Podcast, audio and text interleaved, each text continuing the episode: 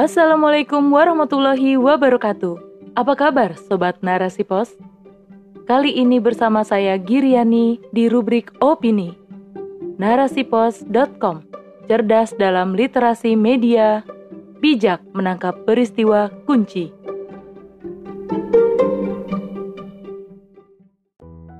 Harta pejabat naik, rakyat miskin meningkat oleh Rosyati Mansur. Ironis sekali, di saat rakyat kesusahan makan di tengah pandemi, aktivitas mereka untuk memenuhi hajat hidup dibatasi, dan bantuan dana pun disunat sana-sini. Kini, rakyat disuguhi dengan laporan kenaikan harta pejabat negeri ini. Kenaikan harta tersebut bukanlah dalam jumlah yang sedikit, tetapi dengan jumlah yang fantastis. Bukan hanya pejabat pusat, tetapi pejabat daerah pun hartanya mengalami kenaikan. Beberapa pejabat yang hartanya mengalami kenaikan di antaranya Presiden Republik Indonesia Jokowi, kekayaannya meningkat sebesar 8,8 miliar. Menteri Agama Yakut Khalil Komas dengan harta kekayaan meningkat 10 kali lipat selama hampir setahun pandemi, yakni mencapai 10 miliar dan masih banyak pejabat yang lainnya. Berdasarkan data KPK, ada sebanyak 70,3 persen pejabat mengalami kenaikan harta kekayaan. KPK menjelaskan, walaupun peningkatan itu dirasa cukup wajar, namun pihak KPK akan terus mengawasi harta para pejabat. Terlebih lagi, bagi mereka yang mendapatkan dana hibah yang tak wajar. Menyedihkan sekali para pejabat bisa menikmati kekayaannya dengan sesuka hati tanpa ada rasa bersalah dan tanggung jawab sedikit pun terhadap rakyatnya. Lihatlah yang terjadi dengan rakyat bawah. Mereka justru semakin merana merasakan pahitnya hidup. Satu keluarga di Kabupaten Gunung Kidul terpaksa harus tinggal di kandang lantaran terlilit utang. Pria yang berinisial N itu beserta dengan istri dan ketiga anaknya kini harus tinggal di kandang bersama dengan hewan ternak miliknya dan saudaranya sejak empat bulan lalu.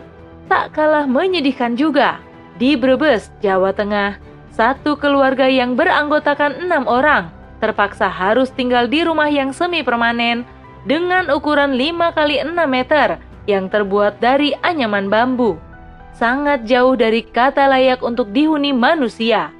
Masih banyak lagi yang menggambarkan bagaimana tingkat kemiskinan yang menimpa negeri ini. Begitulah sistem demokrasi kapitalis yang membuka lebar pintu bagi para pejabat dan segelintir orang untuk terus memperkaya diri sendiri. Sedangkan akses untuk masyarakat bawah tertutup rapat-rapat. Bahkan untuk memenuhi kebutuhan dasar pun tidak bisa. Mungkin untuk mereka yang ada di jenjang atas yang terbiasa dengan kegelimangan harta kenaikan harta pejabat tersebut adalah sesuatu yang wajar. Tapi, yang menjadi pertanyaannya, apakah wajar di saat rakyat bersusah payah hidup di tengah pandemi, para pejabat negeri justru bersenang-senang dengan kenyamanan hartanya yang kian bertambah? Begitukah seharusnya sikap seorang pejabat pemerintah hidup dengan kemewahan, sedangkan rakyat yang dipimpinnya hidup nelangsa dengan penuh penderitaan? Sungguh ironi, hidup di bawah sistem kapitalisme demokrasi. Kesenjangan sosial begitu terasa.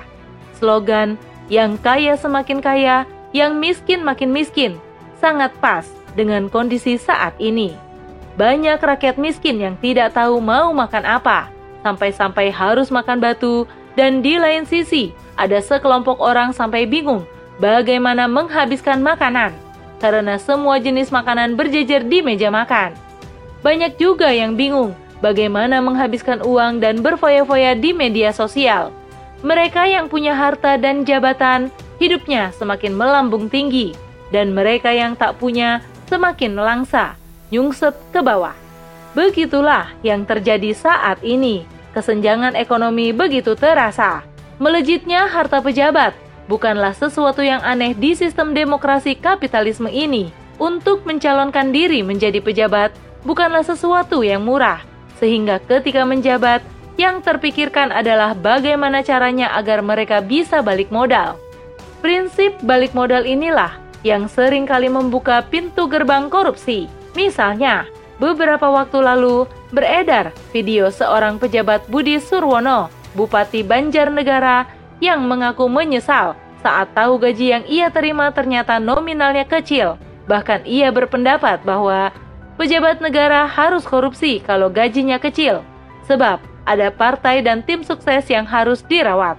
Kemudian setelah itu, muncul berita Budi Surwono ditetapkan sebagai tersangka dalam kasus korupsi terkait pengadaan barang dan jasa di pemerintahan Kabupaten Banjarnegara tahun 2017 sampai 2018.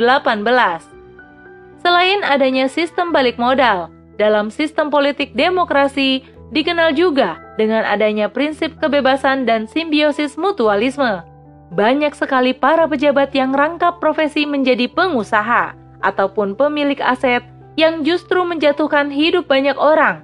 Semua itu bebas dilakukan hanya semata-mata untuk memperkaya diri sendiri, dan semua itu dibenarkan di dalam sistem demokrasi kapitalis. Sehingga tak sedikit para pejabat memandang jabatannya bukanlah sebuah amanah, melainkan profesi semata yang harus mereka lestarikan demi kepentingan hidup mereka sendiri. Seharusnya profesi mereka sebagai pelayan rakyat, tapi rupanya terbalik. Justru mereka yang ingin dilayani dengan istimewa. Contohnya saja, beberapa waktu lalu muncul statement atau usulan agar pemerintah mendirikan rumah sakit khusus COVID-19 untuk melayani para pejabat yang ada. Tidak terpikirkan oleh mereka bahwa jabatan yang saat ini mereka duduki adalah amanah besar yang nantinya akan dimintai pertanggungjawaban. Tapi memang begitulah wajah demokrasi. Selagi masih hidup di bawah naungan kapitalisme demokrasi, maka selagi itu juga kesejahteraan bagi rakyat tidak akan didapatkan. Kesenjangan ekonomi akan semakin terasa, kesempitan hidup akan semakin menjadi karena pemimpin yang ada tidak memimpin atas dasar keimanan kepada Allah Subhanahu wa taala. Mereka tidak sepenuhnya berpihak kepada rakyat. Yang mereka perjuangkan adalah agar bagaimana hidup mereka nyaman dan aman, tidak kekurangan. Mereka memimpin untuk memperkaya diri, bukan untuk menjalankan amanah yang seharusnya. Berbeda dengan Islam. Ketika Islam diterapkan, maka akan dipastikan pemimpin yang memimpin bukanlah pemimpin yang gila harta. Pemimpin dalam Islam akan memimpin dengan penuh kesadaran keimanan kepada Allah Subhanahu wa taala. Di dalam Islam ada beberapa yang bisa dilakukan agar pemimpin atau pejabat negara tidak gila harta. Yang pertama, di dalam Islam akan dilakukan pembinaan keimanan dan ketakwaan bagi para pejabatnya mereka harus menyadari bahwa harta dan amanah yang diberikan pasti dipertanggungjawabkan di hadapan Allah Subhanahu wa taala. Mereka hidup sederhana meski kaya. Kekayaannya justru disedekahkan kepada rakyatnya, bukan disimpan. Mereka tak segan menggunakan harta kekayaannya untuk membantu rakyatnya yang kesusahan. Kedua, sistem Islam akan mengontrol dan mengawasi harta para pegawai negara dengan mengaudit secara berkala. Jika terjadi peningkatan harta yang tidak wajar, maka mereka akan diminta untuk membuktikan bahwa kekayaan yang mereka miliki bukanlah hasil korupsi atau hasil dari hal haram lainnya.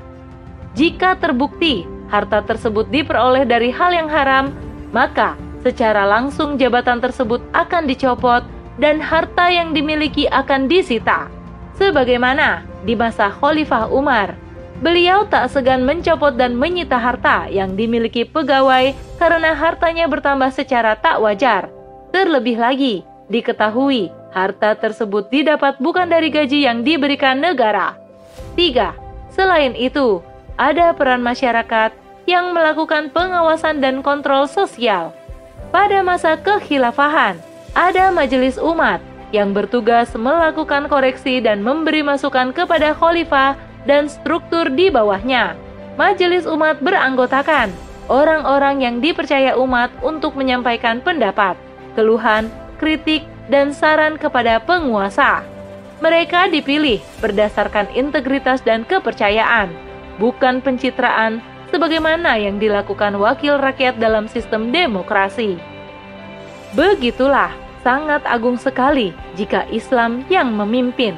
Tidak akan diragukan jika sistem politik Islam sudah diterapkan.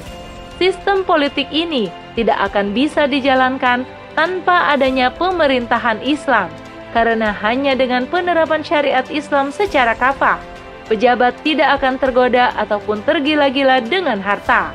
Tidak ada istilah memperkaya diri sendiri, karena semua akan berjalan atas dasar keimanan kepada Allah Subhanahu wa Ta'ala. Tidakkah kita merindukan kembali kejayaan Islam? Masihkah kita percaya dan berharap kepada sistem kufur demokrasi? Hidup di bawah naungan demokrasi hanya kesempitan hidup yang didapatkan. Maka, sudah saatnya kita kembali kepada Islam kafah. Saatnya kita hidup dengan damai di bawah naungan Islam. Saatnya Islam memimpin dunia Wallahu a'lam bisawab.